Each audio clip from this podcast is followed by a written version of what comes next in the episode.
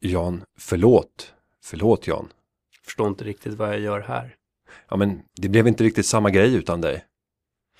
Nej, men en gång, ingen gång. Men så att det är väl bara att Men, Testa igen. men du är på, vi kör igen. vi kör igen. Okej, då kör vi.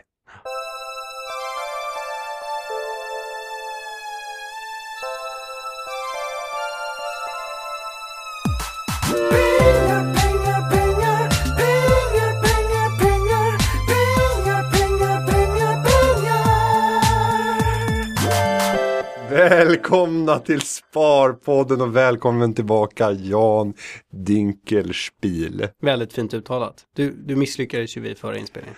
Ja, eh, det känns skönt ändå att ha dig tillbaka. Det, det blev inte riktigt samma sak tror jag varken du eller, eller jag eller lyssnarna tyckte. Nej, v- vad känner du? Nej, Är du det- nöjd med eh, mo- folkets mottagande? Batman behöver sin Robin. Ja, det var ju vad någon på Twitter skrev. Ja. Vad, vad känner du själv? Eh, jo, lite så. Ja. Det, det är alltid roligt att ha med dig. Eh, så att jag säger varmt välkommen. Men jag försökte ju kontakta dig eh, ett flertal gånger där från, från eh, sportlovet och eh, få det att hur löser vi det tekniskt i min frånvaro? Men jag märkte ingen riktig mottaglighet. Eh, Sen Det var som att du kände att du fick ett ensamfönster. Sen, sen när- jag kom med förslag på tider så var det plötsligt någon son och skidbacken och eh, s- vara tillsammans på lekplatsen med sonen som var Jag- viktigare än Sparpodden och inte. våra lyssnare. Jag vet inte. Jag har bara noterat att, att det har kommit en viss, det har kommit vissa reaktioner på Twitter. Och varenda gång det, alltså vi säger så här, frekvensen då, eh, en på tio har väl varit pro eh, Sparpodden special med Nej, Günther fler, möter. fler, fler. Nu har du hetsat Två då? din krets. Två av tio. Nej, fyra tycker jag. Fyra. Nej, nej det, det, den relationen är det ju inte. Men säg två av tio. Och då har jag märkt så här, eh, att du är inne och likar så här 53 sekunder efter att, Ja, att men folket gillar det. Men idag då i Sparpodden. Så, Mycket. ja, då ska vi ta upp många frågor. Och faktum är att vi hade faktiskt sex hela sidor med frågor som har inkommit från er lyssnare. Och det är så otroligt roligt. Eh, vi kommer inte hinna med att svara på allt, men vi kommer att ta upp det successivt under de kommande programmen. De som har bidragit, de har antingen skickat in via Twitter, Hashtag Sparpodden. eller på Nordnet-bloggen där man har möjlighet att skriva lite längre frågor. Men jag skulle säga att försök hålla det kort för då ökar sannolikheten att vi snabbt kan referera frågan i Och Sparpodden. vänligen, Günther är väldigt pedagogisk så du skriver ju då Sparpodden avsnitt 22, ett blogginlägg. Du gör ett blogginlägg per, per podd. Så kommentera då i den podden, den senaste publicerade blogginlägget. För det är där vi framförallt tittar. Ja. Ja. Och idag så kommer vi naturligtvis prata lite oro, Ryssland, Ukraina. Vi kommer prata om, eh, summera lite grann om Nordnet Live som vi fick uppleva för två veckor sedan nu. Eh, beröra bitcoin också tror jag i viss, vi- viss utsträckning även om vi inte kommer att gå på djupet. Och mängder av andra, andra lyssnarfrågor. Men jag tänkte om jag får göra en efterlysning redan, redan nu. Klart du får. Nej, för det är så här att jag har ju ett, eh, ett annat jag även utanför min roll som sparekonom här på Nordnet. Och det är att jag har den ärofyllda rollen som valberedningens ordförande i Unga Aktiesparare. Och jag vet ju att många av de som lyssnar på det här befinner sig i åldersspannet 20 till 30 år och är ekonomiintresserade. Och eftersom jag är valberedningens ordförande så är det Så är det du som bestämmer. Ja, det är min, min, min uppgift tillsammans med de andra i valberedningen att vaska fram intressanta kandidater att sitta i förbundsstyrelsen och styra över hela organisationen. Så känner du att du är rätt person eh, för att få göra det här och få komma in i styrelsen så skicka gärna in din ansökan till mig. Man kan göra det på Är det en ordförande ni söker eller? Nej, det är det inte nödvändigtvis, eh, utan det är vanliga ledamöter. Sen Okej. har, det finns ju en ordförande och hon, hon har, Och du vill avsätta henne? Nej, nej, absolut inte. Hon gör ett, ett fantastiskt jobb, Ja. Johanna Pettersson. Ja. Eh, utan- Förlåt Johanna. Ja, nej, men det är, nog, det är nog snarare att, att det kanske kommer behövas någon eller några styrelseledamöter. Om det inte är några som väljer att, att eh, Vad är kriterierna då? Och hur gör man? Ja, men arbetet går ut på att man är gruppen som leder förbundet. Det innebär att man måste kunna grundläggande ekonomi, resultat, balansräkningar som man har ansvar. Man eh, ska ha ansvar. Det är ju tio stycken anställda ungefär inom organisationen. Det är ungefär 200-250 ideellt engagerade som ska liksom smörjas och liksom göra ett bra jobb och få bra information och rätt förutsättningar. Så det krävs att man är en, en duktig person som vågar tänka strategiskt eh, och, och som kan se de stora dragen. För det är ingen operativ roll att sitta i en styrelse. Det där misstolkar många som kommer in i en styrelse och tänker att man ska gå in i den operativa ledningen och ha massa åsikter. Och det är det ju inte. Man tillsätter ju en vd eh, såväl i ett bolag som i en, i en organisation. Ja. Och vem är vd för Unga Aktiesparare? Idag är det Magnus Hjelmer Okej. eh, och han har ett långt förflutet inom förbundet. Höll på redan under mina dagar under början av 2000-talet. Sen återvände som, som vd. Ålder, hur gör man? Eh, ålder, någonstans skulle jag tro att ledamoten är mellan 22 och 30. Man får gärna ha lite juridisk bakgrund för vi tror att det kommer att behöva förstärkas. Jag tror att vi kommer tappa en, en duktig jurist. Eh, men allmänt en duktig person och det gör ingenting om man inte har varit engagerad i förbundet innan. Bara man har idéer och erfarenheter som kan berika styrelsearbetet. Så skicka er ansökan direkt till mig på gunter.marder.nordnet.se. Är ni ute med en eh, ansökan? Mm. Eller en annons? Inom förbundet så är vi det, men det räcker ju inte så långt Nej. utanför. Hur många har sökt?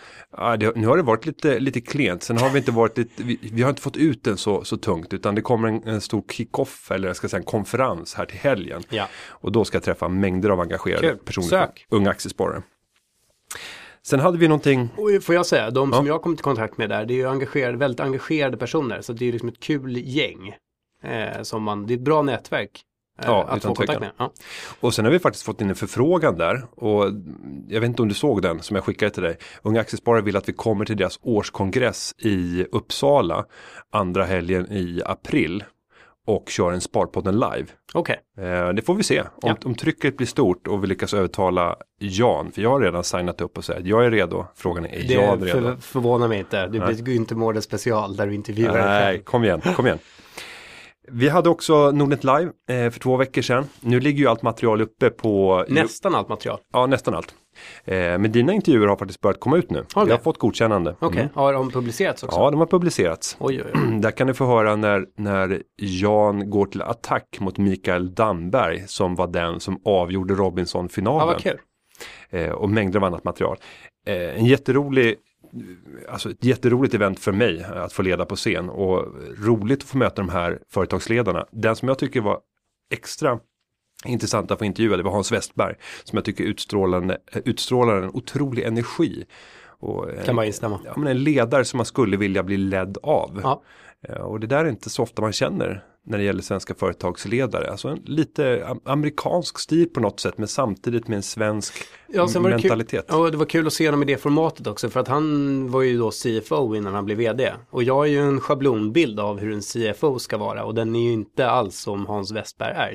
Mm. Så det var, eh, det var på ett helt annat sätt än vad jag hade förväntat mig. Eh, Dina höjdpunkter om du summerar? Nordnet Live? Oj, oj, oj. Eh, nej, men jag, jag tycker genomgående att det var, Hans Westberg var en höjdpunkt. Eh, jag tycker alltid det blir spänst när eh, Bläcker och eh, Carolina Vugglas är på scen och pratar eh, aktier som man ska välja och inte välja. Eh, påminn mig, vad var det mer? Johan Dennelin, Telia. Jättespännande. Ian, Jag tror att de har en rätt stor förändring. Alltså jag får intrycket, och det gör jag i min intervju, så ställer jag frågor kring eh, interna förändringar på Telia Sonera. Men, men jag tror framförallt att de, jag tror att de har rätt mycket interna organisatoriska förändringar som ska bli spännande att följa. Vilket jag inte riktigt tycker att han fick ut i intervjun, men, eller eh, med dig på scen, men kanske mer i intervjun med mig. Mm. Och det är dramatiska förändringar. Jag fick höra i efterhand att eh, alla chefer har blivit av med jobbet och får söka om. Eh, det här var någonting som dök upp efteråt, men det hade varit intressant att diskutera. Alltså hur man tänker kring liksom, lojalitet, hur påverkar det medarbetarna? Och det är ju en vanlig modell när man gör större organisationsförändringar, att man exakt. får söka, söka om. Men det har sina baksidor också, där det föds Det skapar ju oro och sånt ja, där. ett ifrågasättande och tappar effektivitet. Sen så jag som har jobbat inom telekom för några år sedan, jag vet ju att liksom, de som då jobbade på tre där jag jobbade och hade tidigare någonting förflutet på Telia Sonera, de sa att kulturen präglades av en viss seghet. Sen är ju det är ett enormt bolag så att det är givetvis vissa delar som är väldigt snabba och andra som kanske är lite mer långsamma. Men eh, förändring behöver inte vara negativt. Sen måste jag säga att Damberg, Norman på scen, det var ytterligare en höjdpunkt. Jag tycker det var spännande dynamik och kul att se politiker i det där forumet. Och det, om jag får ge dig någon kritik, så var det ju trist att du liksom touchade, det skulle handla om plånboksfrågor, men vi, du kom aldrig in på förmögenhetsskatten eller arvsskatten eller den här, vad, vad, vad, vad berodde det på? Jo, men där är det redan avgjort. Om vi tar arvs och gåvoskatt, där var det faktiskt Socialdemokraterna som avskaffade den. Så det är liksom ingen fråga, där är de rådande överens. När det gäller förmö förmögenhetsskatt, då var den ju uppe. Eh, och inte i dess nuvarande form sa de ju. Fastighetsskatten var uppe, samma sak där. Det tyckte jag var nästan det mest befriande befriande svaret och som renderade största applåder också när Damberg sa att ja, men, om man förlorar två val i rad så får man liksom fundera på vilka frågor man ska driva. Eh, och lite så är det väl med, med politiken i allmänhet att jag tycks märka att politikerna väljer att eh, bära fram och saluföra åsikter utifrån hur vindarna blåser istället för en liksom, övertygelse och en ideologi och det gör politiken lite tråkig. Ja. Jag gav ju dem som avslutningen en dryck eh, som var en, en blandning mellan vitt och eh, blått kan man säga. En, en champagne på blåa druvor. Just för att man vet liksom inte riktigt vad det är för någonting. Eh, så var det Fast jag fattar aldrig riktigt det, för då tänkte jag att det borde varit en röd champagne. En roséchampagne.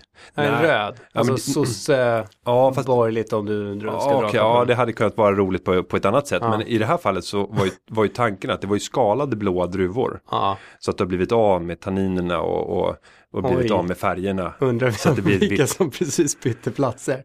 Oj, oj, oj.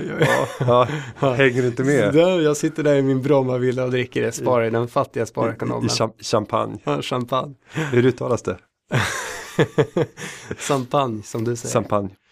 Eh, nej, och det här är ett spartips. Får jag köra det? Bara ett kort. När det gäller just champagne. Så, så kan man faktiskt benyttja sig av ett enklare vitt vin som man sen kör i Sodastreamen. Det- Nej men ärligt talat, det, det blir inte riktig champagne, det blir det inte, men, men det blir bubblor och det är vitt vin liksom, och det är festligt.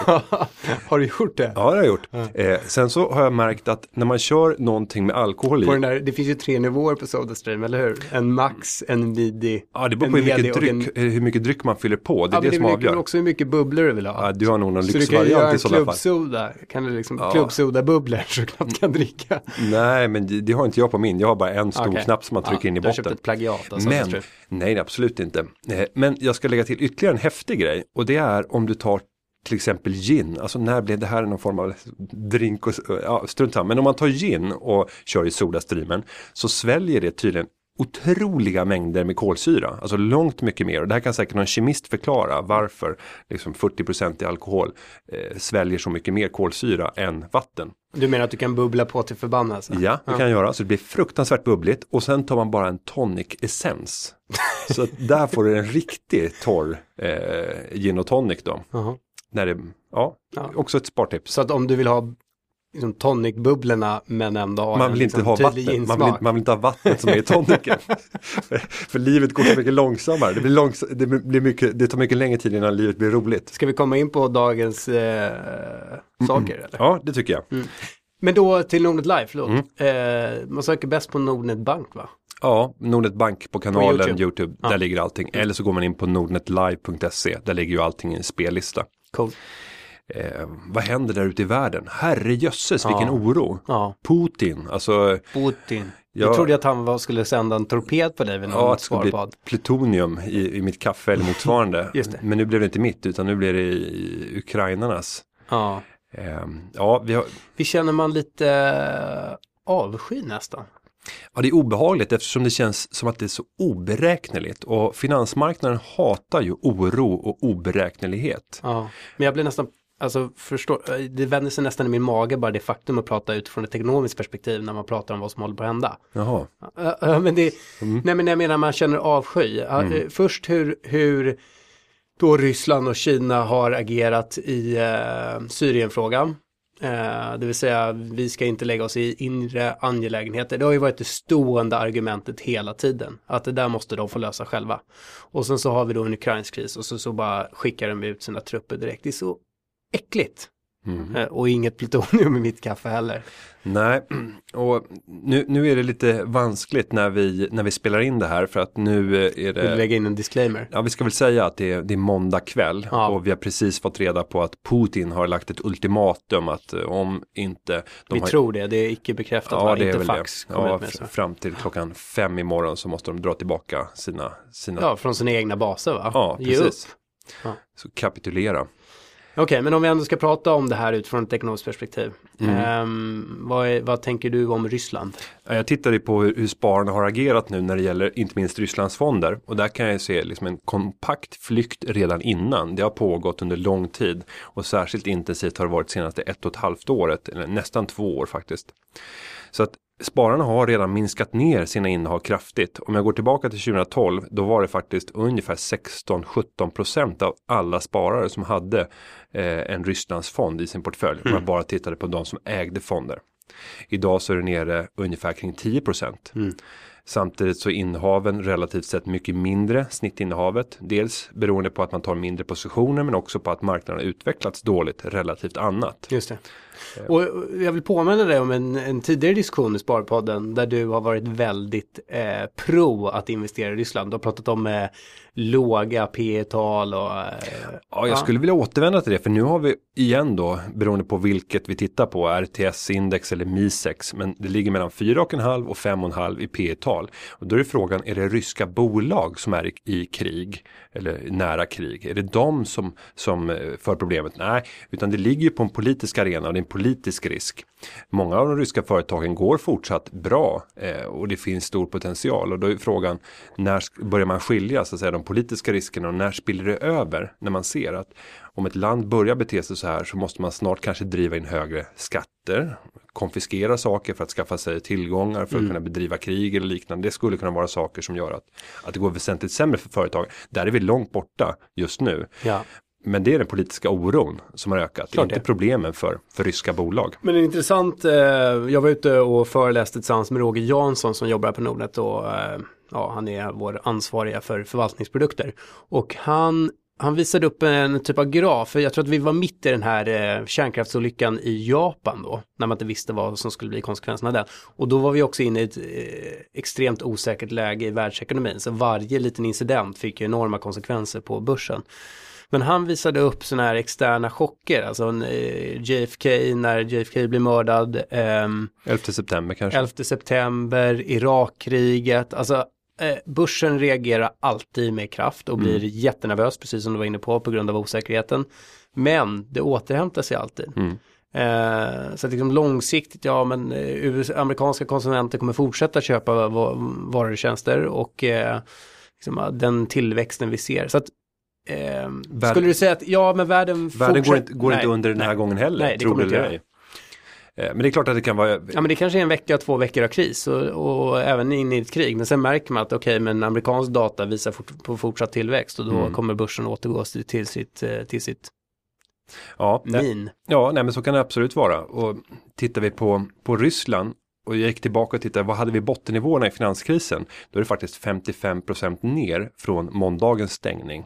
Och det är ju en jäkla resa ner. Nu ska man inte jämföra med det här, för det är helt irrelevanta jämförelser. Men det ger ändå lite perspektiv på hur kraftigt den här börsen i Moskva svänger. Och jag roade mig också med en annan sak och det är att titta hur mycket aktier, ryska aktier på Moskvabörsen finns ute till handel. Ja. Och kunde konstatera att det är ungefär 200 miljarder US-dollar. Ett marknadsvärde i paritet med Pfizer. Mm. Eh, Ja, det säger en del. ett enda bolag. Men det jag vill också lägga till eh, så att inte alla springer och köper Ryssland nu för att jag säger att börsen återgår till sitt normaltillstånd. Då menar jag världsbörserna. Jag Mm. menar att det finns en irrationalitet med att eh, Sverige bottnar, eller bottnar, går ner, att USA går ner, men däremot så ökar ju, alltså om, om Ryssland tidigare handlats till 5 i P tal så är den politiska risken ökat väsentligt av att Putin har lite problem. Så att, eh, att man ska tro att Ryssland ska återgå till någon typ av normalitet efter den här krisen, det har jag svårare att tro. Ja, och man kanske ska bredda sig och titta på andra spännande områden som drabbas av det här. Ett av mina favoritområden just nu det är Turkiet. Eh, och där ser jag att en, en, jag har ju varit på plats i Turkiet och sett också hur det här exploderar och hur liksom hela Istanbul håller på att bli liksom en modern eh, stad med, med liksom, du kan inte skilja det från Kan du förklara parallellen bara? Jo, parallellen här det är ju att de betraktas som en högriskmarknad. Eh, och deras valuta, liran, har ju tappat kraftigt i värde. De drabbas hårdare av det här på grund av läget kring Svarta havet. Alltså de dras med kraftigare i det här fallet än många andra. Och det gör att det kan finnas tillfällen att hitta sådana typer av marknader. Nu har de sina politiska problem med Erdogan och, och liknande. Men, Mm. men det är också tror jag rätt, rätt tillfälligt och övergående. Eh, vi har så mycket på agendan så jag drar mig vidare till en annan eh, kris. Bitcoinkrisen. Oj, ja. Vem var det som varnade? Alltså MT Gox, alltså Mount Gox, ett, eh, en, en av de, alltså, bitcoinhandeln är ju fragmenterad på olika marknadsplatser varav det här var, stod för, tror jag i alla fall, 25% av handeln i bitcoin. Och de eh, filed for bankruptcy i förra veckan. Så, och jag har ju handlat mina tre bitcoins på, på MT Gox. De är borta. Du, Alltså nej men de är, de är borta. det, det, det är som Sven-Olof med bilen. Ja lite. Bilen är borta, bitcoinen är borta, Bitcoin vad är är borta. nästa? Nej, och, Men det, ja, det, jag, det jag har kritiserat bitcoin för, vi har inte gått in så mycket på, på det, i, det här program, i det här programmet, så vi har inte förklarat det och jag tänker inte göra det närmare nu. Utan vi kör bara en kort kommentar. Och det, det är ju att det saknas all form av trygghet i form av en garant som finns i grunden och som erbjuder ett rättsskydd som gör att om du blir av med dina bitcoin, ja då kommer någon att träda in och faktiskt driva process och det finns ett rättsväsen som skyddar dig. Det saknas här på, på grund av eh, att valutan i sin egenskap inte ska ha det här samröret med myndigheterna. Jag skulle vilja utmana dig ändå, för du har eh, gått ut ofta och sagt att ja, men nu, nu, nu, tidigare har du sagt att du är väldigt skeptisk till den här bitcoin och den digitala valutans framtid. Men sen så i samband med att den här MTGOX gick under då så eh, gick du ut och sa att jag får rätt. Sa du inte det? Lite, nu har jag fått rätt. Ja, lite grann. Och sen så ser man då att trots att en marknadsplats som representerar 25% av omsättningen har gått under för att eh, antingen att, ja, men att de här har blivit på något sätt borttappade till ett värde av 500 miljoner dollar, det vill säga 3,5 miljarder kronor, så står bitcoinen fortfarande 610 dollar. Är inte det det största tecknet på att nej, men här kan en eh, väsentlig aktör försvinna och ändå så upprätthålls priset? Ja, men upprätthålls priset så är det ju inte. Den har ju sjunkit med 40% under den perioden. Det var inte så att den stod i 600 när det här hände och när det började ifrågasättas. Nej, men samtidigt kan man ju tänka att om, en sån stor aktör försvinner, då kommer alla bara vilja bort från, från, Jo, eh, men- från bitcoin. Ja, men föreställ dig själv om, om det skulle hända någonting i ett annat land. Eh, om man begår ett misstag från en centralbank. Nu, nu blir det helt fel för då blir det ett fullständigt fallissemang. Eh, men en 40% nedgång i en valuta under en så kort period som det vi ändå talar om. Jo, men vi pratar ändå Det- det finns- 500% upp på, på ett års basis. Ja, och det är ju ett ännu större problem. Alltså du, du säger det ju själv. Alltså de här stora Jo, rörelserna. jag de här säger- stora Jag säger rörelserna. det inte alls själv. Jo, jo. Du skapar ju problemet själv. Alltså de stora rörelserna är, är grundproblemet för bitcoin. De, sk- det skulle behövas en central myndighet egentligen som ibland släppte på tillgången och ibland strypte tillgången för att få en prisstabilitet för att vi skulle kunna känna en trygghet med att använda valutan. Men håll med om att du är förvånad. Eh, Att den, att den ändå står i 610 dollar med tanke på det som precis har inträffat. Ja, jo men det kan jag nog säga. Eh, Men jag, jag var förvånad redan innan. Alltså jag var ju ännu mer förvånad innan. Och när den passerade 1000 dollar, alltså det, det förvånade mig mer. Alltså det här vansinnet som har funnits kring Så det. du som då säger att nej, men det här är slutet för den digitala valutan. Mm. Givet att den upprätthålls på t- 610 dollar, är det inte sannolikt att den eventuellt står i 1000 dollar Jo, på 18 månaders sikt? Och det är det jag säger, det här kommer bli ett bortglömt digitalt samlarföremål som återfinns i, i, i pojkars eh, digitala wallet och pojkar som vill leva kvar i år 2013. Och han som agerar ljudtekniker idag, han, han är ju eh, en expert på det här. Så att om ni vill att vi plockar in honom i dialogen för, för liksom att säga vem har rätt av Günther och Jan, då får ni eh, påkalla det på bloggen eller Twitter. Men lite om, om bitcoin. Ska vi gå vidare och titta på några av de inkomna frågorna? Yes. Mac, Mac of Wall Street har ju ställt en fråga. Ja. En filosofisk fråga, om alla skulle leva efter Günther Mårders sparfilosofier, hade våra konsumtionsbaserade ekonomier fungerat? Frågetecken. Frågetecken. Nej, det hade de inte gjort. Alltså, en, en, en Det är ju modern... ekonomernas mardröm. Ja, en, en modern kapitalistisk ekonomi behöver tillväxt. Eh, den funkar inte utan tillväxt. Så vi har byggt in det, oavsett om vi vill eller inte, så måste vi ha tillväxt och det kräver konsumtion någonstans i slutledet. Sen kan några välja sig att ställa sig vid sidan av den här konsumtionshetsen och bli så att säga relativa vinnare på att de skjuter upp sin konsumtion i tid. För det är det det handlar om när vi sparar. Det är uppskjuten konsumtion pratar man om nationalekonomiskt. Eh, så att nej, det hade skapat en totalt ekonomiskt kaos och med negativ tillväxt. Och när du får negativ tillväxt, alltså, då, då blir det en spiral ofta. Så är det i ekonomin. Och så blir det bara värre och värre. Så vi skulle närma oss domedagen. Sen är det ju intressant, ehm, och nu blir, det, nu blir det nästan ideologiskt, men jag håller på, eller jag försöker komma igång med en bok som heter Price of Inequality. Det är en uh, Nobelpristagare tror jag han är, Joseph Stiglitz. Stiglitz. Stiglitz. Stiglitz. Ja, det är hyfsat bra.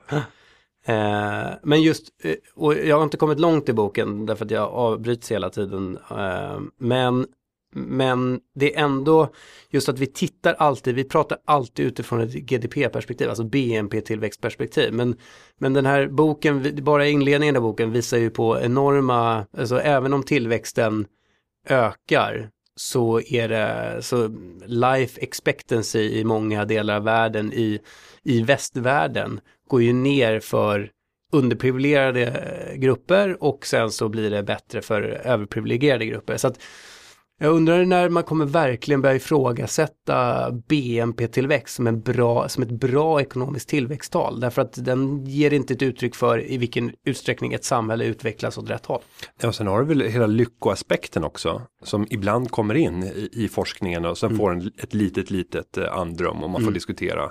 Och där har man ju funnit att lyckan är ungefär konstant oavsett vilken ekonomi man tittar på och tittar på folket. Det spelar ingen roll om det är ett eh, u-land med stora problem. Lyckan är lika hög som det är det mest industri- industrialiserade landet med liksom en välfärdsstat eh, som är utbyggd till tusen. Eh, Och, vi får fundera, vad, är vad handlar livet om? Ska vi lägga ner Sparpodden? Och bara hänga med Sorba och prata filosofi. Ja. Det där var Sorba Holsten, vi kommer inte längre där och då. Eh, vi Nej, det var inte Sorba Holsten, det där var Mac of Wall Street. det var Mac of Wall Street, du har åt- helt rätt. vi går till Sorba nu. Det gör vi. Mm. Eh, och det är en kortis. Mm.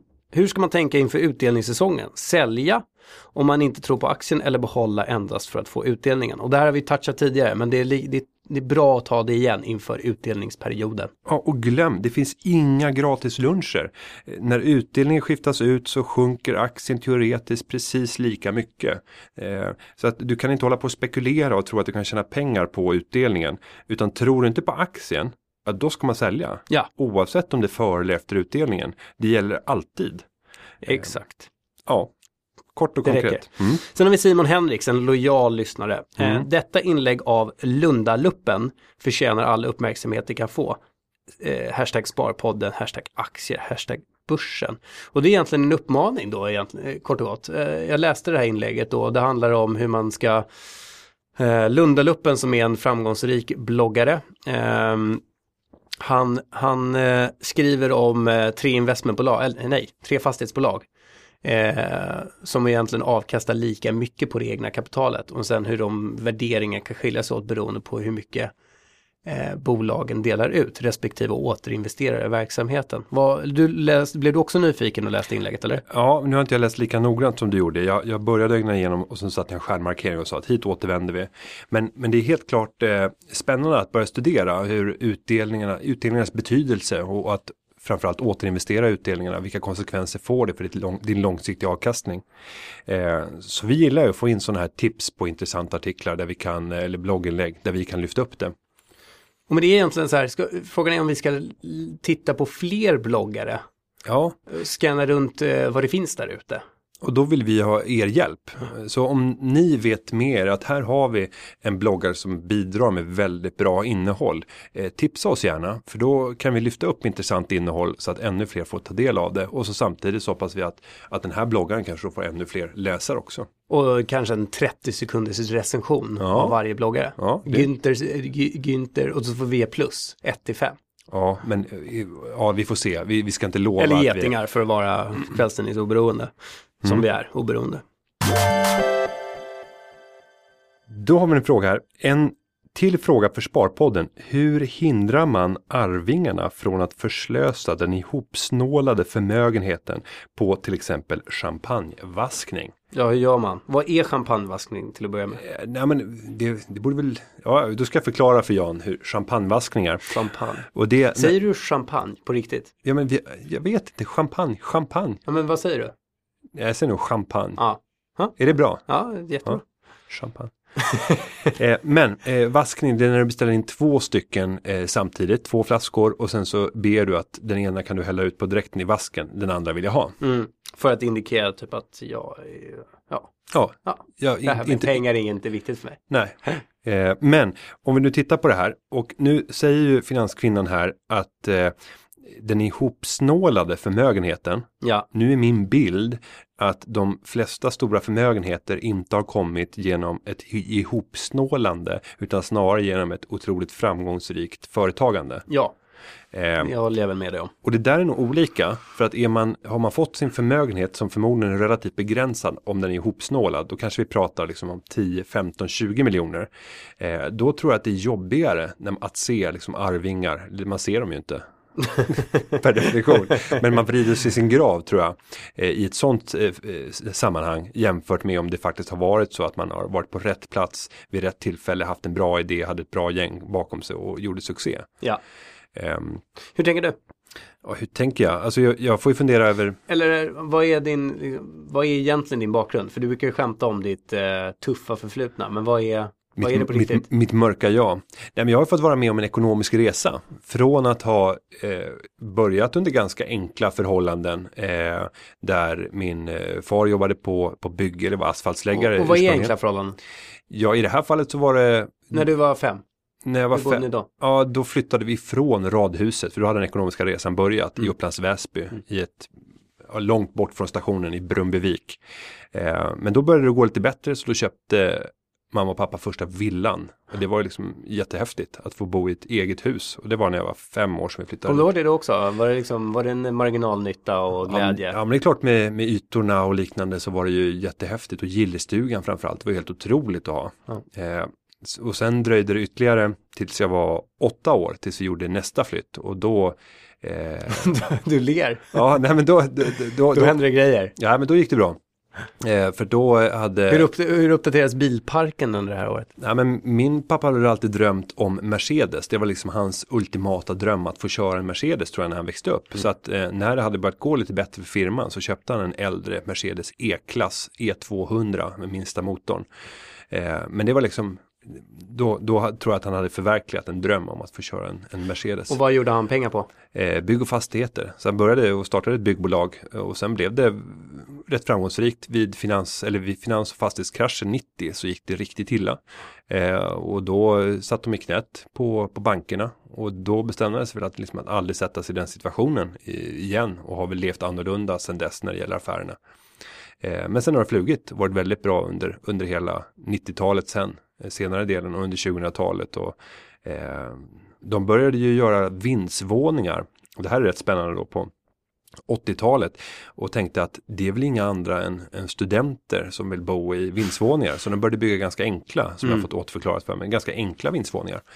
Och sen så blev det ju yuppis som flockades kring de här istället. Coolt. Eh, Eller kul. Ja, och då var det en helt obebyggd marknad. Mm. Så jag vet inte hur många vindar som, som de har inrett genom, genom åren, men det är otroliga mängder. Kan vi få se en eh, byggpamp i eh, Günther Mårder om några år, eller? Nej, det är, inte, det är inte menat att jag ska förvalta arvet här eh, när det gäller byggbolaget, utan det är min bror som har gått in, min lillebror. Och hur har det bestämts då? Eh, nej, det började med att det var min storebror som, som började axla den rollen. Sen gick ju han bort 2006. Eh, och då, jag var väl inte den som mest av allt tog för mig när det gällde just bygget och liksom uttryckte längtan av det. Utan jag drevs av tanken att ta mig in och utbilda mig vidare och liksom komma in på Handels. Eh, Så det blev liksom min viktiga eh, sak i livet och ville lära mig allt om aktier. Så att jag har ju liksom valt en annan bana. Jag hade kunnat välja redan då att nej, jag ska satsa allt på att ta över liksom Men tror du för att din äldre bror då valde den vägen, var det därför du eh, valde bort det? Eller har du aldrig Jag har alltid gått lite annan. Ja, jag har alltid gått lite annan väg. Sen ska väl sanningen fram också att jag var väl inte speciellt skicklig ute på, på bygget. Alltså jag tror jag var jättebra på att sprida en god stämning. Ja. Men jag var ju aldrig den skickliga hantverkaren. Och det var verkligen min storebror. Ja. Eh, och min lillebror också är väldigt duktig. Mm. Eh, men det går inte bara att vara skön och duktig på att snacka. Det kan man vara i finansbranschen men, men inte inom bygg liksom. Nej. Men du, har, dina, din, har din pappa varit snål eller din mamma varit snål? I den utsträckning, du är inte en snål personlighet, det tycker jag inte. Du är ekonomisk. Mot mig men själv så är jag ju rätt snål. Men, men, Ja. inte, men inte mot andra. Det ska jag inte säga. Det finns en väldigt negativism i snålhet. Ja. Du är väldigt ekonomisk. men- Nej, nej men det har de inte och de undrar nog lite grann var det här har kommit ifrån. Jag har suttit i samtal eh, med min, med min eh, far och min mor vid tillfällen eh, där de har sagt att eh, ja, du ska liksom inte hålla på och spara och snåla på, på allting. Utan Lev le- livet, Ja, carpe. Eh, Carpe diem. Ja. Men jag, jag har svårt, det är någonting i mig som gör att det finns liksom en, en sparsamhetens ande. Det här chateauanska. Okej, men sen Liksom. så, eh, vi hoppas om det är långt fram i tiden så kommer du att få ett arv då. Antingen i eh, aktier i en verksamhet som eh, din bror förvaltar väl eller pengar på något sätt. Hur hur kommer, Jag tar ingenting för vad är det givet. som gör att inte du kommer gå ut 60 år gammal och vaska på krogen? Nej, men jag kommer aldrig ta någonting för givet och när man väl har lärt sig liksom en, en inställning till pengar och för mig så har det varit liksom att vårda dem ömt och jag har ju redan själv, trots att jag ursprungligen har fått 10 000 kronor av mina föräldrar i besparingar. De rök ju redan 1999 när jag gick, liksom förlorade allt i autofill. Så har jag byggt om det igen och lyckats bygga en liksom rätt ansenlig förmögenhet under relativt sett kort tid som de här 10 eller nu 14 åren innebär. Har det varit någon princip för dina föräldrar då att inte ge dig kapital utan att det ska du fixa själv? Ja, sen har jag fått mycket annat eh, i form av liksom, gratis boende under min studietid. Eh, jag fick möjligheten att, liksom, pappa hade fastigheter så jag fick en hyreslägenhet. Sen tyckte jag det var för dyrt för mig att flytta in där. Eh, då när man pluggade med, med den avgiften som var, eller den hyran. Och sen ombildades den till bostadsrätt. Så det är klart, där gjorde jag ett litet klipp. Där blev det, jag tror det var 100 eller 150 000 i, i vinst som jag gjorde. Och sen har jag investerat det på marknaden. Så det har kommit lite andra, andra saker men som inte har varit liksom direkta sparpengar som man har ärvt eller fått i gåva. Och jag vet inte, jag bygger upp mitt sparande och någonstans måste man börja fundera över när ska jag vända det och när ska man börja konsumera och jag tror ju att jag kommer lämna efter mig massor med, med pengar. Och hur gör man då för, för barnen? Alltså ett sätt att låsa in det på det är ju faktiskt att göra olika typer av eh, Stiftelser? stiftelser eller liksom kapitalförsäkringar. Det funkar inte när du har gått bort. Men under tiden så kan det faktiskt vara så att du port- portionerar ut pengar i en lagom mängd och det kan du göra via stiftelser och att pengarna bara får användas till särskilda ändamål. Till exempel utbildning eller liksom utlandsstudier eller till bostad. Just det. Och principen för stiftelser är att man inte ska nagga på kapitalet va? Utan man, ska, man får eh, ta del av utdelningen. Ja, fast det är, du kan ha en stiftelse som är, har som syfte att avveckla sig själv. Ja. Det finns inget liksom ständigt i, i den Okej. konstruktionen. Eh, hur tänker du? För där är det är ju lite du har, du har ju mer att tänka på.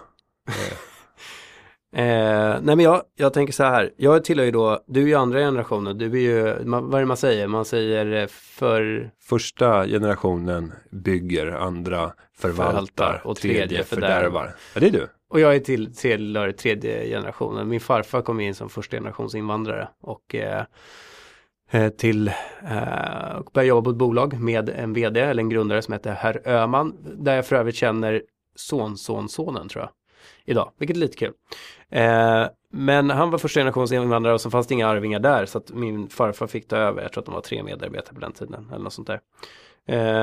Och sen så har ju då framförallt min farbror eh, förvaltat och utvecklat. Han är ju en nollen förvaltare får man ju säga. Utan han är ju eh, väldigt entreprenöriell. Eh, och sen så tillhör jag fördärva generationen.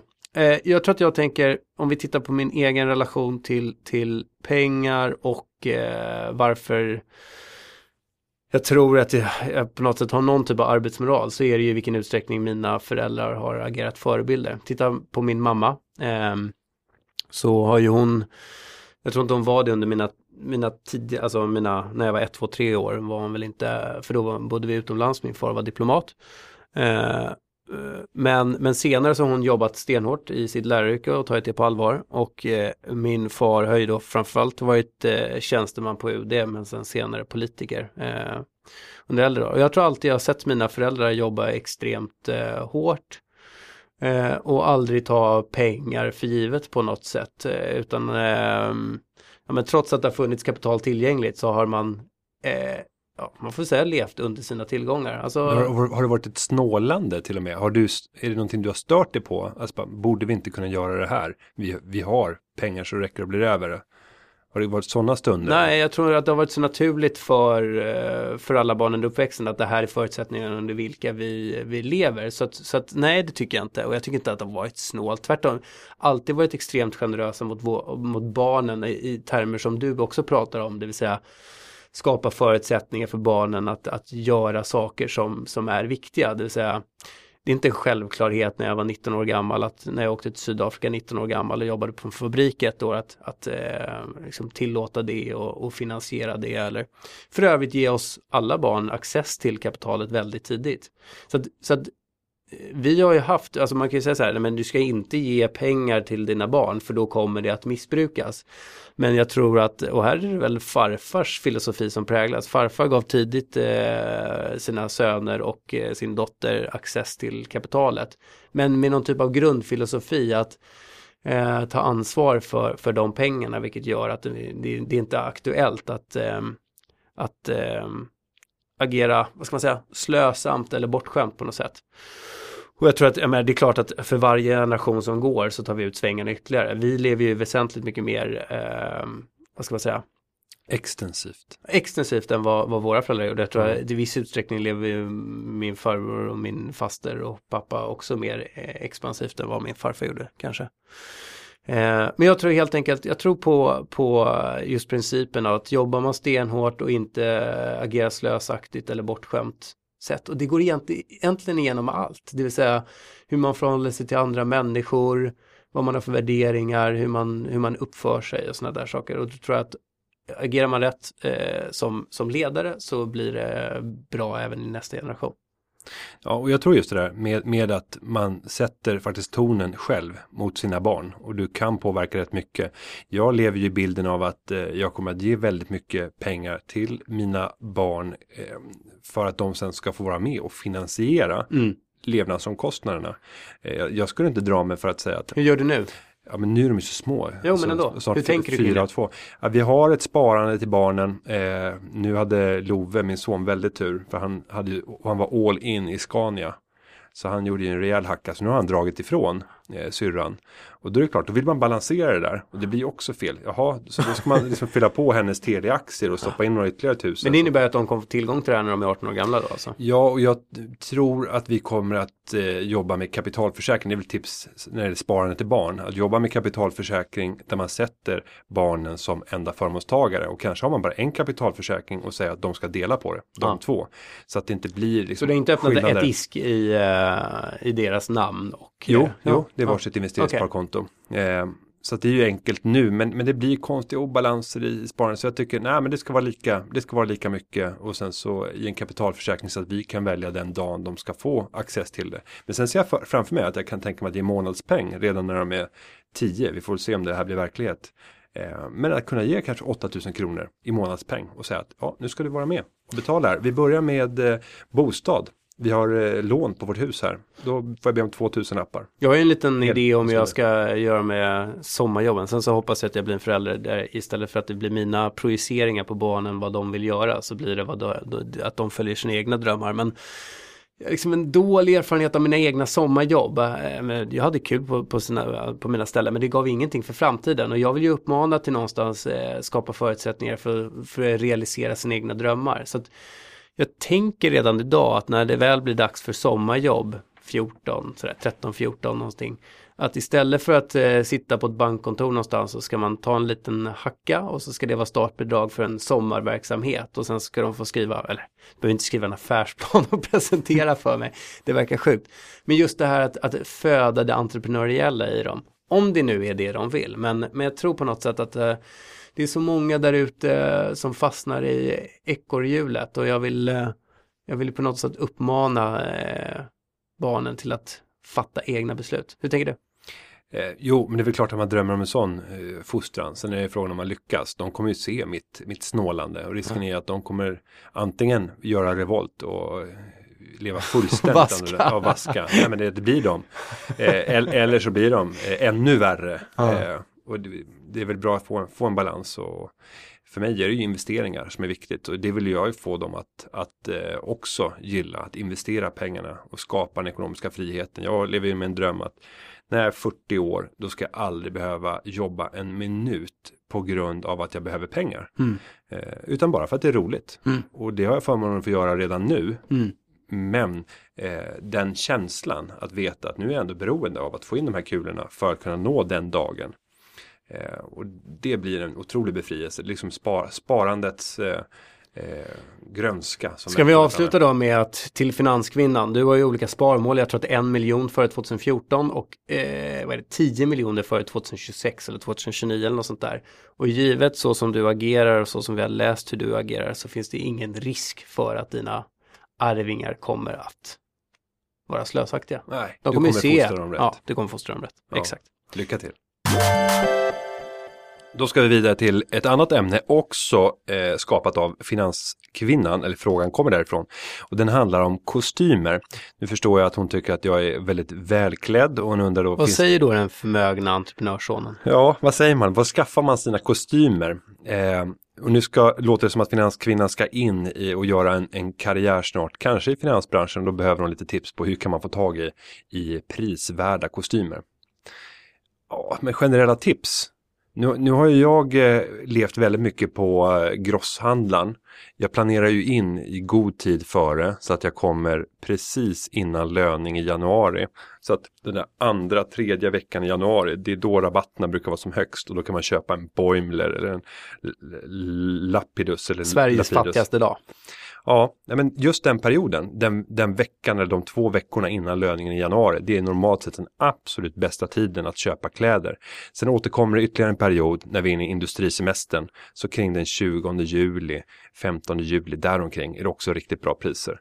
Eh, ibland kan man få riktiga fynd, jag har ju också begagnat Dressman rätt mycket. Eh, Dressman. Dressman. Eh, Dressman. Ja, de kör ju mycket italienskt. Eh, Battistini till exempel. Eh, men sen har jag faktiskt fått, eh, fått shapea till mig lite grann. Eh, och många reagerade nog kanske på, på Nordnet Live och tänkte jäklar vad, vad, vad vacker, vad vacker han var. Var det det? Ja, det var det nog. Ja. Men, men då ska jag tillägga att det var inte jag själv som har, har köpt de kläderna utan det är scenkläder och jag var faktiskt sponsrad av, av Oskar Jakobsson. Så de kläderna kommer jag bara använda i sammanhang där jag står på scen. Okej, för att spara dem eller? För att de var så fina? Ja, eh, och det är också skattemässiga skäl. Att eh, scenkläder får, får du ha eh, och det, det kan du få ut skatte, skattemässigt. Jag förstår. Men du, kemtvätt, vad var frågan? Ja, det kom en annan fråga om kemtvätt. Hur, hur kan man tänka kring det? Och där gjorde jag faktiskt ett försök igår. För då tänkte jag, jag har ju några gamla kostymer som Jan inte vill att jag bär. Eh, och då så tänkte jag, men jag kan pröva att kemtvätta dem hemma. Dina, jag tittar ner på dina skor, dina, dina bruna pupper och de har De har spruckit. ett hål i sig. Nej, det, alltså på det är ovansidan. Två, det är två, det är ett här också. Men den har inte riktigt gått av. Toppen har inte gått av på skon, än så länge. eh, utan den kommer att hålla i någon vecka till. Men den är på väg. Titta på den andra Men, men just byxorna, den är hel. Den är hel. Jag köpte dem i Istanbul för 180 kronor tror jag. Eh, det var fyra år sedan nu ungefär. Verkligen. Ja, jag köpte fyra par. Men eh, när det gäller kemtvätten, där prövade jag faktiskt. Har du en gammal eh, boomerangskjorta på dig? Nej, det är inte boomerang, det här är Dressman. Nej, är det De har koppat den här knappen som var röd och grön, Ja, eller? Och sen så har jag också på mig, ska man säga en ljusblå pullover. Mm. Eh, En, en tunn sak. ja, av, eh, av märke från Hennes och Mauritz. Mm. Där jag får, om jag är snäll, får jag följa med en, en kollega här på jobbet och köpa till 20% rabatt första fredagen efter löning. Mm. Eh, och då har jag även köpt strumporna från Hennes och Mauritz också på 20% rabatt. Ja, nu är det bra. Okej, åter till dina byxor då. Ja, med kemtvätten. Jag prövade att kasta in ett antal byxor där det stod absolut inte tvätta själv utan kemtvätt. Eh, och så körde jag handtvättprogrammet hemma och det funkar alldeles utmärkt på hälften av byxorna. Eh, hälften, tror jag är förstörda. Eh, det ser ut som det, jag har inte provat att Så stryka. de med kvalitet är lite sämre i sömmarna nu, eller? Jag vet inte om jag kan säga, jo det var faktiskt den absolut billigaste, den, den ser ut att vara helt förstörd. Mm. Det var en 500 kronors kostym från Dressman på rea, eh, så den kostade väl 2000. Det var ingen, liksom ingen billig Det här är kostym. ett norskt bolag, så då heter de väl Dressman där och även i Sverige. Vad säger jag då? Dressman. Dressman, Dressman. Dressman, Battistini. nej, men de här eh, Lapidus eller Lapidus eh, kostymbyxorna, de eh, är väldigt fina så här idag, Mm. dagen efter min egen kemtvätt. Mm. Så att eh, Lite något sladdriga. Ja, lite sladdriga kanske, men det, men det är nog inte kemtvätten som, det är modellen som sådan. Men du är alltid väldigt väl ekiperad. Tycker du det? Ja, hur tänker du kring kläder och och var, var ekiperar man sig? Ja, men man, jag, jag, eh, vad man, man köper för kläder. Ja. Ja, man köper kläder i butiker i Stockholm. Så, Så. Eh, då eh, går vi vidare. Men det var lite De här är tips. för övrigt, de är i och för sig köpt i London, de här byxorna. Väldigt nöjd med dem. Som du noterar så, jag köper ju inte, jag, jag gillar ju inte att köpa kläder. Nähä. Nej men Ja. uppriktigt så tycker jag, jag, jag, och jag gillar, jag har en aversion mot att konsumera egentligen den typen av varor, alltså kläder och möbler och tv-apparater och allt sånt där. Ja men du tittar på mig och tänker, nej men det kan stä- stämma Nej, men inte. nej, men är jag liksom gillar ju att klä de, de är mig. ju jag, hela skorna. jag gillar ju att klä mig snyggt så det är, Ja. liksom, det är ju jobbigt. Men då tar jag ju, om vi tar de här byxorna och skorna, så då köper jag kvalitet för att jag Ja. gillar att klä mig snyggt. Och sen så använder jag det väldigt regelbundet. Men jag, jag får ingen behållning av att gå ut och shoppa. Vad jag får behållning av det är upplevelser. Så att jag, jag, liksom, jag går gärna på restaurang eller gärna resa eller den där typen av konsumtion. Men just, jag är ingen fan av att springa och... Det, det roligaste i min sko som jag köpte i Istanbul, det ska du läsa. alltså upp. Ska du läsa vad det står under dem? De luktar lite illa. Made in Italy och sen står det Shock Absorber på hälen. Alltså är det inte fantastiskt att man köper en sko på en bakgata i Istanbul och så uppger de att det här, är- det här är en italiensk sko. Tror du verkligen att det är det? Nej. Den har gått helt sönder och samman. Jag har visserligen använt den då i tre, fyra år. Ja, Ja, men, eh, och så har de en sån här Nike Air-funktionalitet i hälen också. Det är jäkligt bra. ja, men man, kan, man kan hitta, alltså ett tips är faktiskt, eh, om jag ska ta upp Turkiet eftersom jag varit inne på det så många gånger. Det finns billiga resor eh, till, till Turkiet och du bara skakar på huvudet. Varför kom du in på Turkiet igen? Jo, för att just textilier och skor är de ruggigt billiga när det kommer till. Mm. Och de gör också väldigt mycket själva. Och nu har ju italienska liran tappat kraftigt mot den svenska kronan, vilket gör att mycket är liksom 20% billigare än vad det är normalt sett. Samtidigt som, Man kan tro att vi sponsrar turkiska turistnäringen. men ska vi inte säga, hade inte det varit roligt om vi hade varit det? Jo, det hade varit jättekul. Bara tack, res till Istanbul. Ja. Mm. Eh, det var lite om, om kostymer och, Ja, och kemtvätt. Vidare till Max Nilsson. Ja. Han skriver så här. Hejsan J och G. Borde inte ett köp av EFT Bear vara ett bra köp historiskt sett? Vilka är nackdelarna förutom att index går upp? Ja, vad ska vi säga? Ska vi börja med, med EFT?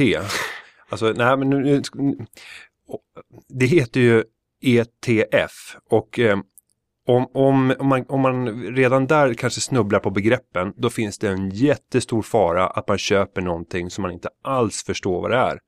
Det finns ju ETN också, Equity Traded Notes, alltså certifikat bland annat. Eller Exchange Traded Notes. Ja, Exchange Traded Notes. Ja. ja. Mm.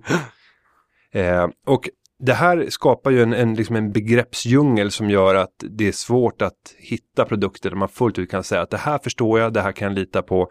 Eh, och när du, eh, Max, skriver en EFT-bär, alltså en bär köper man ju när man tror att, eh, när man, när man vill att börsen ska gå ner, för Förlåt tjänar man Max. pengar. Men, men vad. Günther försöker säga det är liksom eh, era komplexare produkter i ett scenario där man inte har särskilt mycket erfarenhet, då ska man vara lite försiktig. Undvik fullständigt Exakt. den här typen av produkter. Och nej, historiskt är det inget bra köp, för att även om vi har pratat kris de senaste fem åren så har börsen gått upp. Mm. Från, eh, det står ju på all time high, så att, så att eh, ja, givet att du tror att börsen ska gå ner 40% från dagens nivåer, då skulle exakt Bear eller någon annan index Bear kunna vara en bra produkt. Men, men rent principiellt, var försiktig med den här typen av produkter. Ja, och långsiktigt så kommer det här vara produkter som närmar sig noll. Alltså en, upp, en produkt som, som stiger när börsen går ner. Eh, eftersom börsen långsiktigt kommer att gå upp eftersom vi tror på att vi kommer göra saker mer effektivt. Vi blir fler människor på jorden och börsen långsiktigt på grund av värdena som skapas i världen stiger. Då kommer det här att förfalla närmast värdelöst på sikt, även om det är exponentiellt avtagande. Korrekt. Men tack ändå, Så- det är bra, Ja, viktigt. Undvik den. Ja, Sen hände det någonting för två veckor sedan. Ja. Privata pensionssparandet, vad hände? Vilket utspel! var det. Plötsligt, ja men det var nog ingen som väntade att det skulle komma bara sådär. Vad var det som hände då? Jo, det var på torsdagen den 20 februari på morgonen så eh, var det Anders Borg som delgav en ny plan med ett antal förändringar. Studielån är väl det som har kommit att bli mest eh, uppmärksammade när man sänkte bidragsdelen och höjde lånedelen. Eh, sen höjde man också, tror jag, vad man kallar, säger man fribeloppet, att man, får, man kommer få jobba mer, man accepterar en högre inkomst. Men sen var det den här frågan om möjlighet att få avdrag för privat pensionssparande som man säger att nu ska vi göra en successiv nedtrappning, snabbt som 17 och det ska ner till noll inom bara några år. Ja. Jag tror att det var 2016 som det ska ner till noll. Ja. Så 2017 så är det borta. Men rent generellt kan man säga att givet att du investerar 12 000 kronor per år i ditt individuella pensionssparande så kan du slippa mellan, vadå? 3 till 6 000 eller 7 000 kronor i skatt. Ja, och det Det är är bara det är de med allra högst inkomst som kommer att kunna tjäna mest på det här på Ja. grund av att du sänker din inkomst med 12 000 kronor. Eller, Inkomstskatt. Ja, och, och det gör att eh, eh, du Fast kommer- inte med 12 000 kronor man sänker inkomstskatten va? Det är 12 000 kronor du inte behöver inkomstbeskatta. Ja, precis. Och det är på toppen. Så det, det. det är där du beskattas som hårdast. Så för Ja, de som betalar 55%.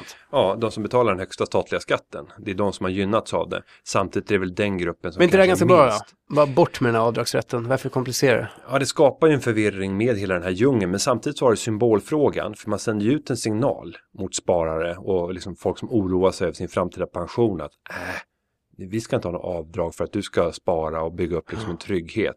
Men jag tror att man har tänkt så här att de som gör det här avdraget regelmässigt, det är sådana som tjänar bra med pengar. De har redan liksom fina tillgångar i form av att de sitter och äger sitt boende, har betalt av en hel del, har ett finansiellt sparande vid sidan av. Och så blir det bara ytterligare en subvention som idag innebär skatteutgifter för att man måste betala så att säga indirekt eftersom man inte får in skattekrona så blir det som en betalning. Och då tänker man att nej, nu drar vi in dem istället även om det i framtiden skulle sänka eh, inkomstskatten. Eh, för det skulle generera skattekronor när vi väl plockar ut pengarna. Så det egentligen kan man säga att det är en, det är en skattehöjning som slår mot deras primärväljare. Eh, men det är väl också för att spela lite på den här kritiken som de har fått för femte jobbskatteavdraget. Ja, så är det säkert. Det finns ju jättemycket taktik bakom och det är svårt att se allting. Ja. Men självklart finns det sådana Men dimensioner. rent principiellt är det en inkomst, eh, ja vad ska man säga, eh, minska, öka skatteintäkterna från de som tjänar bäst i samhället. Mm. Ja. Ska vi gå vidare till en annan person som jag tror tjänar ganska bra eller så är personen väldigt, väldigt sparsam. Ja. Det är BA Just det. som har skrivit in på Nordnet-bloggen. Ska du eller jag läsa? Eh, jag kan läsa.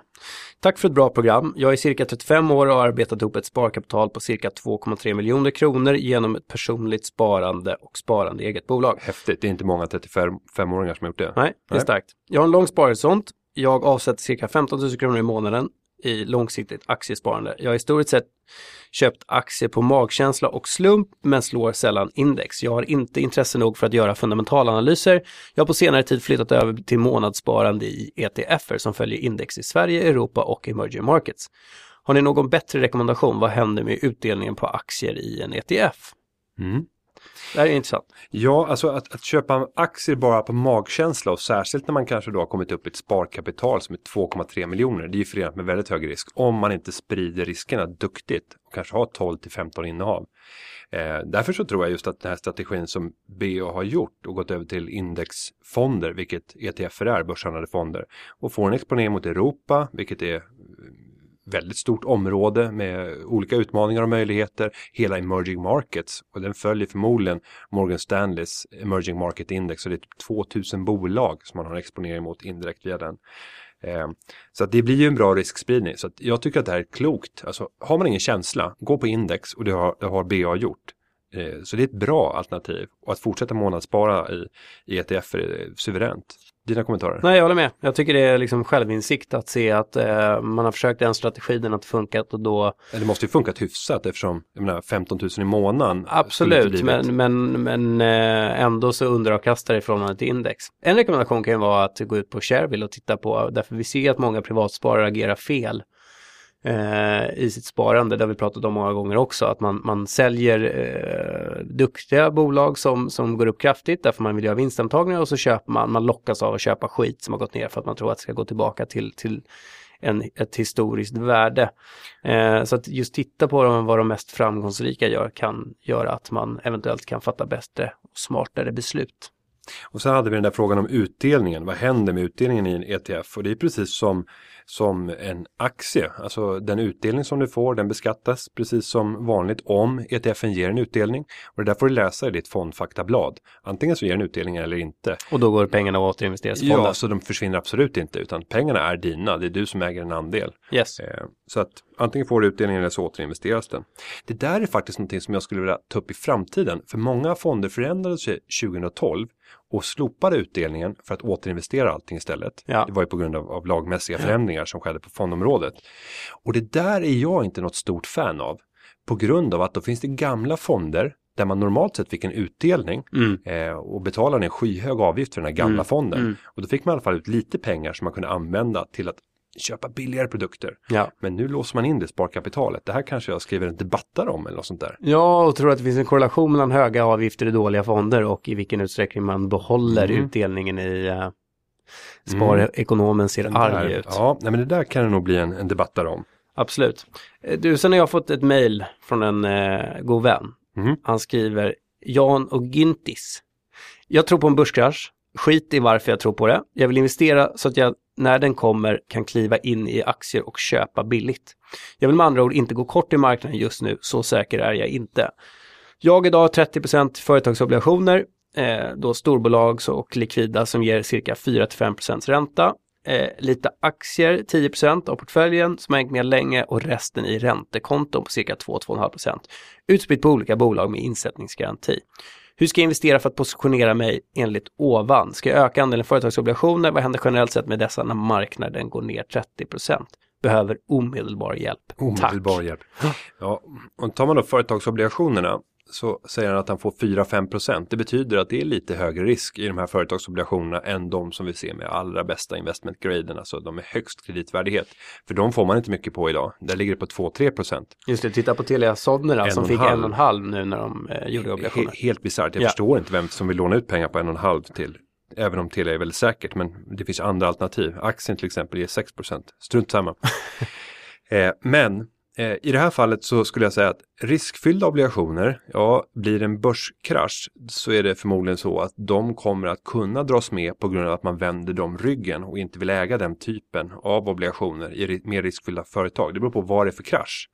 Eh, Däremot de allra finaste bolagen med de stabilaste kassaflödena som överlever alla krascher, de kommer förmodligen att kunna åtnjuta en värdestegring när det gäller obligationerna på grund av att kapital kommer flockas till de här obligationerna. Allt fler vill köpa och då innebär det att obligationen stiger i värde. Eh, Det betyder inte att räntan går upp utan tvärtom. Att när fler vill köpa obligationer och efterfrågan är hög då behöver inte företagen ge lika hög eh, ränta Nej. för, för de pengar som man lånar. Så att eh, Men det här är, jag känner ju den här killen och han är ju en spekulant. Ska, ska han tänka, ska han vara rädd för en börskrasch nu och ska han, eh, ska han verkligen tänka så kortsiktigt i sitt eh, sparande? Alltså långsiktigt är det ju, jag skulle inte säga att det är lönsamt att, att försöka med de här timingfrågorna eh, och försöka hitta en krasch utan snarare att jobba successivt med ett månadssparande, vilket jag hoppas att han har. Och sen så i lägen där man känner att nu har det gått riktigt bra, ja men då tackar man för kaffet, börjar backa ut lite grann ur marknaden och njuter av att man har fått en fantastisk avkastning. Kanske minska risken, nu har han minskat risken avsevärt i sin portfölj. Han sitter och väntar på the big, the Ja. big bang. Sättningen i marknaden. Men du, och sen så eh, säger han företagsobligationer, storbolag och likvida som ger 4-5%. Är de här obligationerna likvida i den dagen som det liksom går ner, som börsen går ner 30%? Det kan de ju vara om det är högomsatta papper. Ja, det är det. Det kan, ja, det borde de vara, absolut. Ja. Det borde alltid finnas ett pris för dem. Men när de ger så hög kupong nu, alltså 4-5% är mycket i Mm. dagens läge. Så då misstänker jag att det här är lite högre risk. Och då kan det vara så att investerare flyr från den typen av obligationer in till till mer säkra obligationer där kassaflödena är jämna, fina och ifrågas, inte ifrågasatta under även krisperioder. Mm. Så att det absolut bästa, om han tror att det kommer en, en kollaps, det är ju att titta på de här absolut, alltså då är det nästan Telia-varning. Ja, men då kan jag lika väl gå in i sparkonton på, med insättningsgaranti. Ja, ja, fast där har du kanske inte potentialen i att det kan stiga, att alltså ränte... du menar att det kan bli eh, liksom, Ja, långa obligationer, det är Ja. det jag ska titta på då. Långa obligationer i väldigt säkra företag. ja. Där vi tror då att i en krasch så kommer det många äh, att, att vilja flytta in i den här typen av Men då skulle man lika gärna kunna säga, ja men köp lite guld också för att exponera mot, eh, som, det som kommer idag vid guldpriset, jag såg att Semafo har gått upp idag. Mm. Det är väl för att, jag antar för att guldpriset har gått upp för att nu vill alla säkra tillgångar. Ja. Eller man spekulerar i att Alltså, man ska in i det på grund av att det ska bli Ja, krig. ädelmetaller brukar vara ett, en bra tillflyktsort i, i de lägen också. Ja. Eh, ja, bra. Hoppas han är nöjd. ja, Du, Anna har skrivit in och vi har ju uppmanat kvinnor och tjejer att eh, kontakta oss i hög utsträckning. Så att vi har fått eh, två stycken inlägg här. ja, men sen är det också eh, flera som har skrivit att eh, tro inte att, att vi inte är många som lyssnar. Ja. Eh, för det var någon, någon tjej som sa att ja, hela mitt kompisgäng lyssnar. Eh, men vi kanske inte är jätteaktiva med att skicka in frågor. Sen var det en tjej som slutade lyssna för att du var för snål också. Ja, men hon, har, hon har, kommer nog tillbaka efter eh, mitt, mitt tips om eh, gin och tonic. Ska vi sammanfatta? Det är ett rätt långt inlägg. Kan Ja. du sammanfatta det?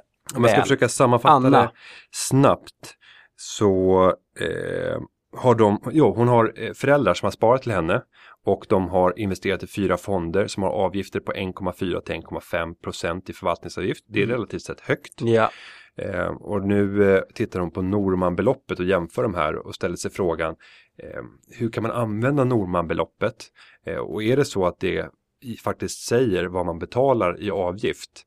Och om vi bara skulle förklara Normanbeloppet först och sen ge någon allmän rekommendation till, till Anna. Ja. Alltså Normanbeloppet eh, det är som ett, ett jämförelsepris, ungefär som vi har på frukt och grönt disken där vi får se kilopriset. Vi har ingen aning om innehållet i de här grönsakerna. Det kanske finns, jag skrev det till Anna Det är som en också. avokado.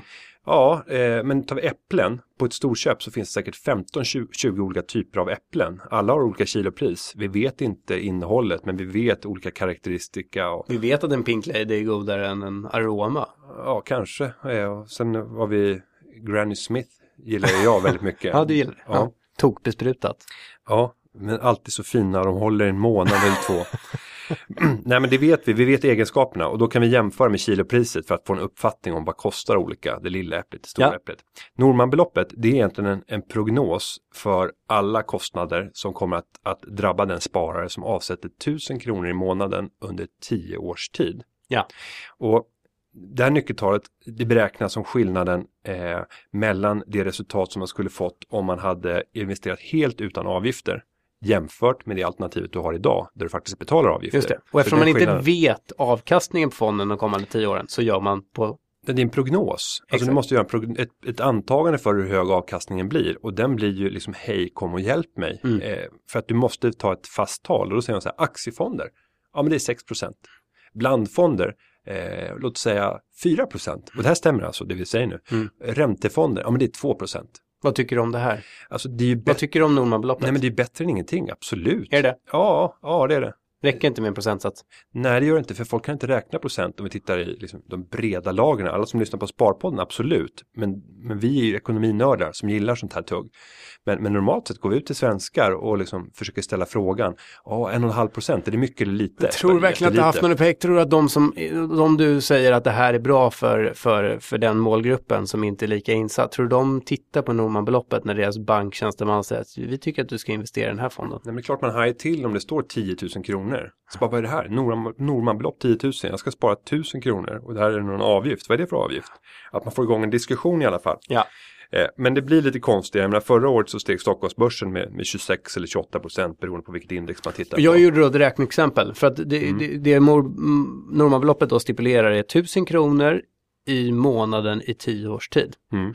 Och så tittar jag då på, och så räknar man med en, med en eh, avkastning på 6 och då, då räknade jag ut att givet att den skulle vara avgiftsfri, fonden, så skulle det här bli 165 000. Och om man tar 1000 gånger 120, alltså 120 månader, eh, eh, så blir det 120 000. Mm. Så det är om ni skulle ha haft noll avkastning och noll avgifter. Och så på grund av den här avkastningen på 6 då så går det upp till 165 000. Men på grund av avgifter på i det här fallet 1,5 procent räknade jag på så blir det ju 150 000. Så du tappar 10 procent av kapitalet ungefär Mm. på att ha avgifter. Nej, och ska ta ett, ett räkneexempel med Och din, vänta, Mm. en, bara, då tänker jag så här, okej, men 1,5 procent, det låter ju litet, men då på en 10 års horisont så blir det ändå 10 procent lägre kapital. Mm. Och ännu värre, jag ska ta ett annat exempel som jag brukar använda. Och det är eh, om vi har 100 000, eller vi struntar i summan, men vi sparar i en fond som är 1,5% i avgift. Vi gör det i 30 år. Eh, och vi har en avkastning i fonden på i genomsnitt 10% per år. Tittar vi tillbaka historiskt så är det rätt rimliga tal för aktiva Sverigefonder. Eh, och då kommer förvaltaren ha tagit halva din avkastning. Halva avkastningen har gått till förvaltaren efter 30 år. Och när vi pratar pensionssparande då är 30 år faktiskt ingen konstig Givet horisont. en avgift på, En och en halv procent, vilket var den genomsnittliga förvaltningsavgiften för aktivt förvaltade Sverigefonder tills för något år sedan. Nu har Just gått det. ner något. och jag säger ju 10 procent av kapitalet, men om man tänker att det har varit nollavkastning, så man kan ju ta från det där 165 000 kan man ta minus 120 000 som har varit insatsen. Då har det ju avkastat 45 000 men med avgiften har det avkastat då eh, 30 000. Så det är ju, Mm. Men börjar man 5% tänka så, Ja. alltså vem, vem som tar avkastningen så blir det lite intressant. Ja. Och så undrar folk varför så många i finansbranschen kan ha höga löner. men för att gå vidare, för det här håller på att bli ett väldigt långt avsnitt. Ja. Så äh, kan vi säga att vi kan inte riktigt kommentera Anna, eller du kan kommentera rekommendationen, men, men, men vi, det är svårt att säga för vi vet inte hur mycket hon har. Nej, och vi vet inte vilka fonder det är heller. vi, nej, exakt, så vi kan inte säga någonting om hur mycket avgifter hon kommer att betala. Nej. Eh, Men 1,5 procent i förvaltningsavgift är högt. Jag tror inte att din aktiva fond har slagit index. Gå tillbaka och titta på morningstar.se till exempel. Eh, och hittar du att nej, den har underpresterat mot index, välj då istället en billigare indexfond. Men vi kan väl utgå ifrån ändå att om det här ligger i eh, en vanlig fonddepå eller en aktiefondepå eh, så finns det en skatteeffekt att ta hänsyn till också, Mm. som många drabbas av. Ja, men ofta så stirrar man sig blind på skatten. Man vill inte utlösa en skatteeffekt när man sitter med en vinst. Eh, och ofta så är det ett stort misstag som man gör. För då går man bara år ut och år in och så blir bes- beslutet svårare och svårare. För att marknaden stiger. Så din rekommendation är titta på hur de har avkastat i förhållande till index. Har de inte varit bra i förhållande till index så är de så inte så duktiga förvaltare. Eh, agera Mm. Mm. Och avslutningsvis. som en generell princip. Ja. Inte just eh, riktat till Anna. Eh, jag tycker att vi återkommer till, till två frågor som vi inte kommer hinna med idag. Det är Anders V som vill höra tips på eh, stämmor. Men som, jag tycker de är kul. ja, men jag tror att vi kan göra ett större avsnitt om det här inför stämmosäsongen och då ska jag förbereda mig rigoröst för att kunna ge alla mina bästa tips för hur man får den godaste maten, den bästa drycken, de finaste presenterna eh, och de eh, trevligaste besökarna kanske. Det är alltså man är, är vilka letar efter... stämmor som man ska gå på Ja. som stämmobesökare. Och du har ju varit på en del. Ja. Hur många stämmor tror du att du har varit på? Jag uppskattar det till någonstans mellan 400 och 500 Ja. från år 2000 fram till idag. Då. Jag kan se det stå mumsa där. Mm. Bara det är ju anledning nog till att vara Visst, vd i Aktiespararna. och jag får ju äta lika många bullar som hela familjen Wallenberg får tillsammans. Alltså jag kan äta hur mycket som helst. Ja. Och det, jag, jag kan avsluta med en, en sån här intressant sak och det var eh, Ericsson som tidigare hade mat som gick att få ner i en väska. De bytte och har kört smörgåstårta under långa perioder för att det ska vara riktigt kladdigt. Alltså en riktigt kladdig smörgåstårta som ska vara närmast omöjlig för en pensionär att kleta ner i, i en väska och få med sig. För man anar inte vad aktiesparare generellt sett, eh, mig inkluderad, är snåla. Men jag har, jag har en skam. Jag har en skam i kroppen. Ska vi ta Sara? Jag sa att vi ska ta, ska vi ta Sara innan vi avslutar eller? Ja, vi gör det. Det Ja. blir sista. Ja.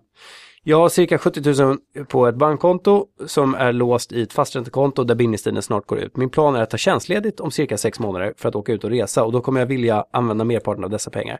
Är det värt i nuläget att placera om till exempelvis en räntefond eller dylikt? Så att jag kommer upp lite i avkastning på pengarna men fortfarande har väldigt låg risk. Och finns det någon speciell räntefond du i så fall rekommenderar? Tack på förhand. Vad säger vi till Sara? Mm. Nej, men en räntefond idag kan ge 2% kanske upp på 3 i absolut bästa fall. I det här fallet så skulle det då handla om 1200 kronor på årsbasis. Skulle vi dividera det med 2 eftersom det är 6 månader så är det 600 kronor. Ja, du är ute och cyklar. 1% av 70 000 är 70 spänn? Nej, 7700. Ja, du har rätt. Förlåt. Ja, jag förlåt. Jag, jag blev kall, jag gick kalla kårar här. Nej men det är 600 kronor eh, det handlar om. Equity traded notes, sorry. Ja, exchange traded notes. Equity traded, exchange traded products. Ja. Strunt samma. Ja. Eh, men det är 600 kronor eh, och det här är ju inte alls säkert att eh, det kommer gå att, att få en sån avkastning. Eh, för det kan hända saker på, på korta räntemarknaden som gör att det sviker. Så att man får väl fundera över, är, är det här den, den stora grejen? Kommer det ta tid för dig att göra det? Alltså, klart man kan kasta in det i en, i en kort räntefond om det är så. Eh, men det är inte här de stora pengarna ligger. Hur många extra timmar är det om man liksom jobbar över eller liksom drar ner på lite andra utgifter? Gör absolut ingenting i min rekommendation. Ingenting. Nej men hade hon någon ränta idag? Hon hade Ja, på bankkonto som var eh, en låst. bindningstid, ja. Ja, som snart går ut. Men eh, i sammanhanget så Ja, man kommer ju, spara på några inköp så har du... Eh, ja, så. och ta din procent eller 1,2 som hon kommer få på ett konto. Som, om hon bara fortsätter att låsa det här som hon har i men- sex månader ja, framåt. Ja, Så att, och då bråkar man om den sista 0,8 dividerat på 2, 0,4 procent på kapitalet. Mm. Nej, det blir väldigt små summor. Eh, det är inte det som det kommer 4, 240 spänn. det, kommer 280 inte spänn. det är inte det som kommer vara make or break för Nej, resan. det kommer utan inte bara göra- Lycka till på resan, ha det fantastiskt härligt. Verkligen njut. Funderar på om jag ska göra samma sak. Bra, nu Sex har vi månader. kört, vi Vad roligt att du är tillbaka. Gammal god anda så har vi liksom Ja. eh, inte alls varit disciplinerade vad det gäller tid. Nej. Vi hade, eh, vi började att köra 60 eller så här 75 minuters program och vi är väl uppe och stökar igen va? Ja, det är väl förmodligen så. Och det här avsnittet kommer säkert att förkortas när det läggs, läggs ut på Spotify. Så Ja. vill du ha den originalversionen, då går man till Soundcloud eller till, till iTunes. För där finns det långa avsnittet. Tack för idag alla vänner, härligt att vara tillbaka. Tack, och jag ska säga att den här podden, den har spelats in av Andreas Hasselöv och den har klippts av Nicolas Contreras. Hej då! Hej då!